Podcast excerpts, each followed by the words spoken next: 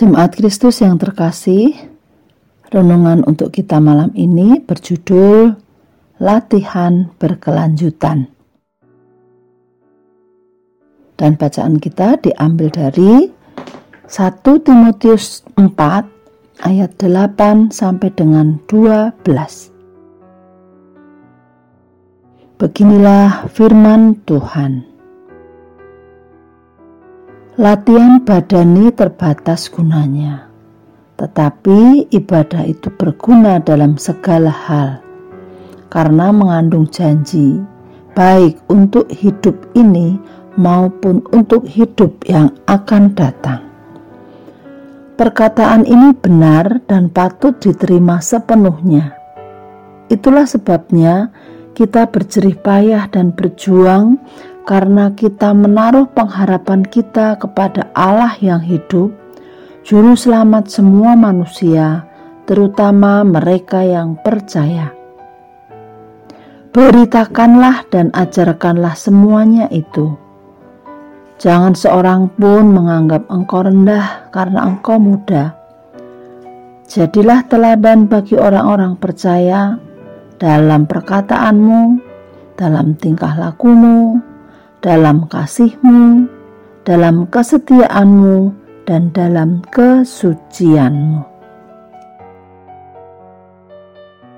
Beberapa waktu belakang ini, obesitas menjadi persoalan banyak orang, sehingga program-program diet banyak bermunculan dan diminati oleh orang-orang yang bisa dikatakan sudah lelah menjadi orang gemuk.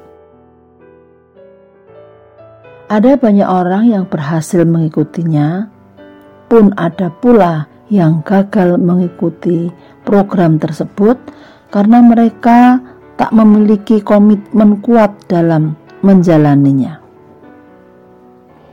Dari fenomena ini, sebenarnya kita juga menemukan satu hal yang penting, yaitu orang lebih suka sesuatu yang instan dan berdampak langsung daripada bersedia menjalani proses bersama.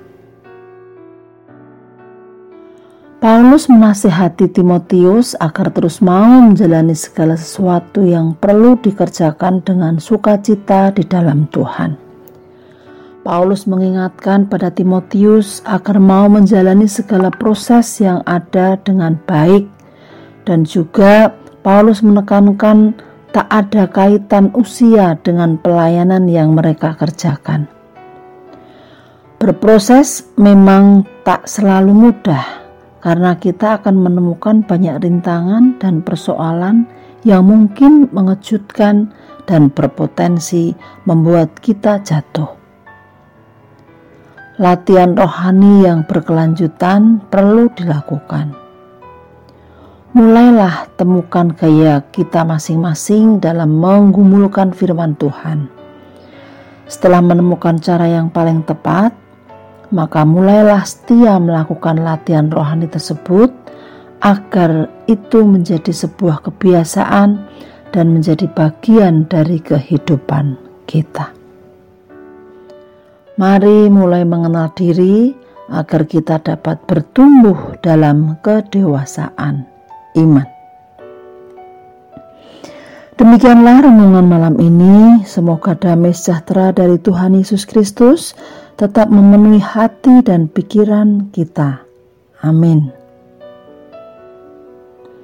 Jemaat yang terkasih, mari kita bersatu hati menaikkan pokok-pokok doa yang ada dalam gerakan doa 21 GKI Sarua Indah. Mari berdoa.